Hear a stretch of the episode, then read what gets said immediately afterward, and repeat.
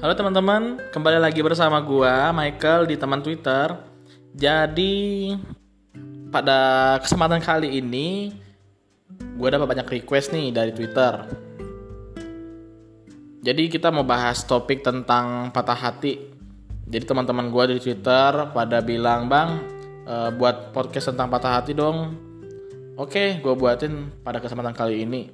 Jadi biar gue kasih tahu ya, bukan hanya lu pada sih yang pernah sakit hati atau patah hati.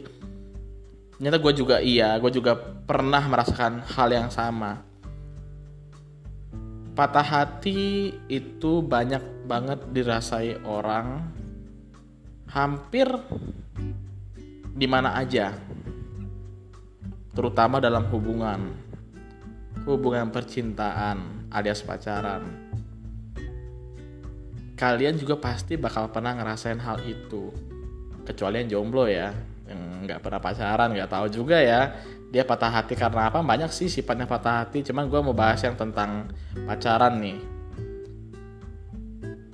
Banyak orang yang patah hati karena seseorang yang dulu sering ngucapin selamat pagi, orang yang selalu mengingatkan makan, jangan lupa makan, orang yang selalu ngucapin selamat tidur, good night, itu tiba-tiba pergi.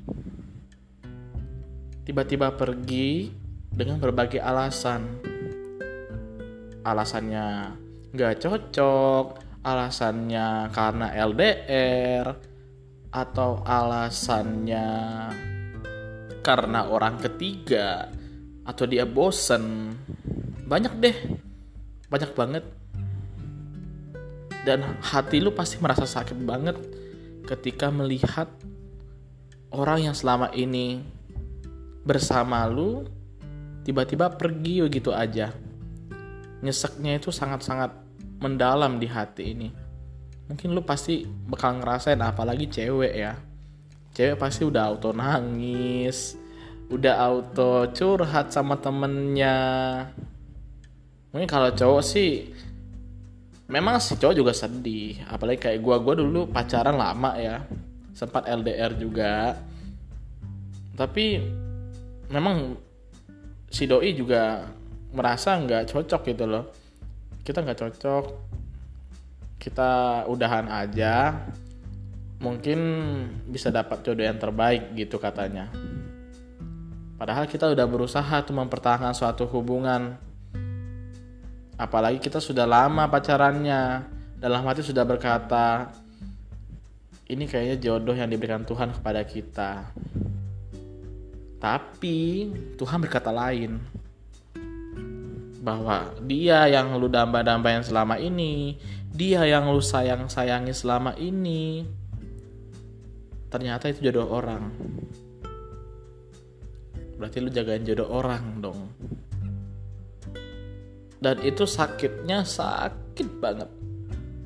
Mungkin lu bakal ngerasain suatu saat patah hati yang paling dalam. Kalau untuk ya fuckboy fucker mungkin it's okay aja sih. Pacaran sebulan dua bulan ganti sebulan dua bulan ganti.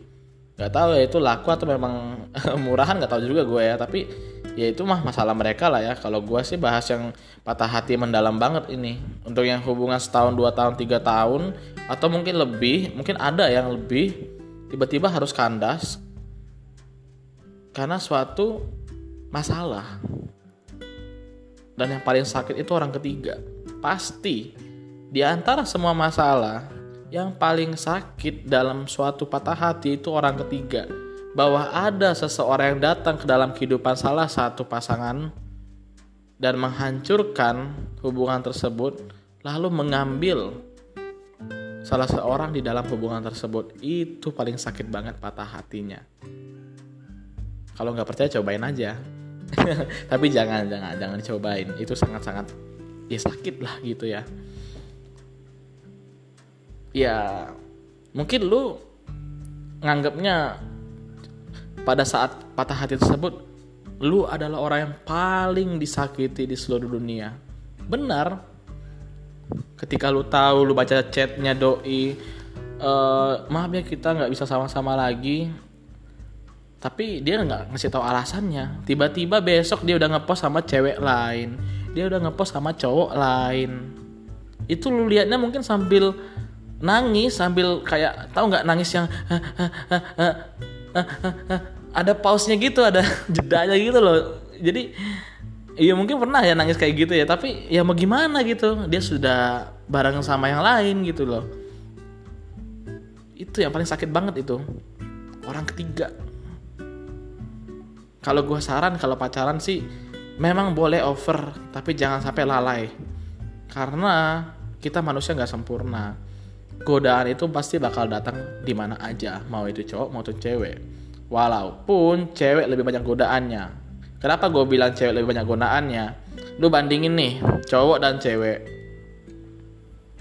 Kalau cowok itu ngechat cewek biasanya ya, ngejemput bola biasanya. Tergantung si cowok, apakah cowoknya seneng ngechat cewek banyak atau enggak.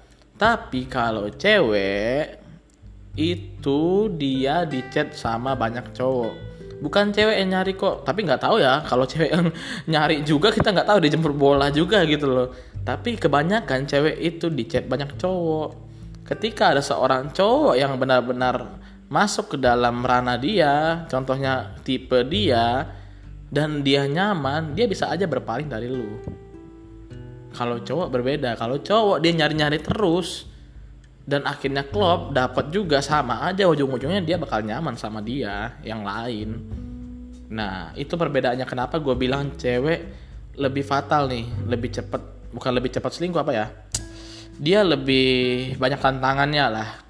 Dia di banyak cowok tapi tergantung si cewek sih. Kalau dia menerima berarti dia nggak setia. Tapi kalau dia cuma diemin aja dalam hatinya dia berkata gue udah punya cowok jadi ngapain gue bales-balesin cewek yang cowok-cowok yang lain gitu loh salut sih lah cewek cowok cewek kayak gini nih. Cewek-cewek kayak gini yang nggak pernah ngebalasin DM cowok yang di saat dia udah masih apa udah punya pacar itu sangat-sangat gue salut dengan cewek seperti itu. Apalagi dia cantik. Karena kita tahu semakin ganteng semakin cantik pasangan lu semakin gak betah hati lu. Semakin takut. Bener itu. Pacar lu cantik nih pacar lu ganteng nih. Itu pasti hati lu waduh gimana nih pasti banyak yang godain kan? Pasti. Ya tapi ya saling percaya aja sih komitmen. Over boleh tapi jangan over banget karena kita manusia punya kesibukan masing-masing. Nggak harus dia selalu ada di sisi lu nggak selalu dia juga harus nemenin lu 24 jam.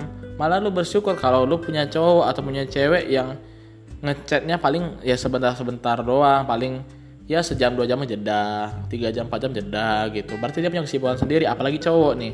Misalnya lu cewek nih lu punya cowok yang kadang sibuk gitu loh. Mungkin lu harus tahu dia sibuk ngapain kerja misalnya dia kerja atau kuliah. Berarti bagus dong dia punya kesibukan seperti itu.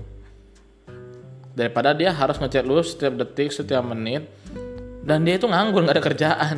Itu lebih parah tapi sih terkembali ke pribadi masing-masing. Bagaimana cara pacaran kalian? Karena setiap orang memiliki cara sendiri untuk berpacaran, mengisi waktu bareng-bareng itu punya cara sendiri. Kalau gue sih pribadi, kalau kangen ya datang aja gitu loh, kayak ketemuan aja kalau deket ya.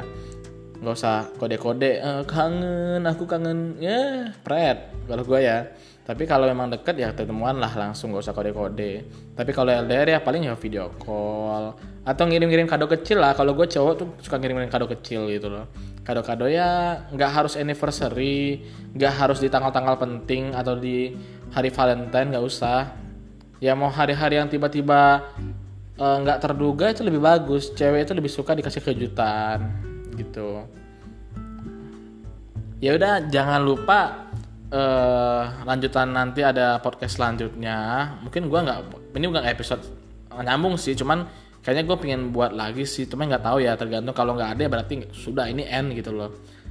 Jadi jangan lupa uh, teman-teman ikutin Spotify gue nih podcast gue kalau kalian berminat dengan apa yang gue omongin selama ini gue terima kasih banget dengan kalian udah dengerin dari episode 1 sampai episode sekarang jadi gue ini menyalurkan bakat aja sih karena gue suka ngomong ya. Kebetulan pekerjaan gue juga harus ngomong juga sama banyak orang. Jadi gue hobi aja sih. Tapi hobi gue ini ya disalurkan di sini. Semoga bermanfaat buat kalian. Tetap jaga kesehatan kalian di tengah wabah covid-19 ini. Rajin cuci tangan. Rajin mandi jangan lupa. Jangan cuci tangan doang mandi enggak ya Oke, terima kasih banyak udah dengerin podcast gua di teman Twitter bersama gua Michael. Nanti akan diupload lagi podcast selanjutnya. Tungguin lagi ya. Oke. Gua Michael cabut. Bye bye.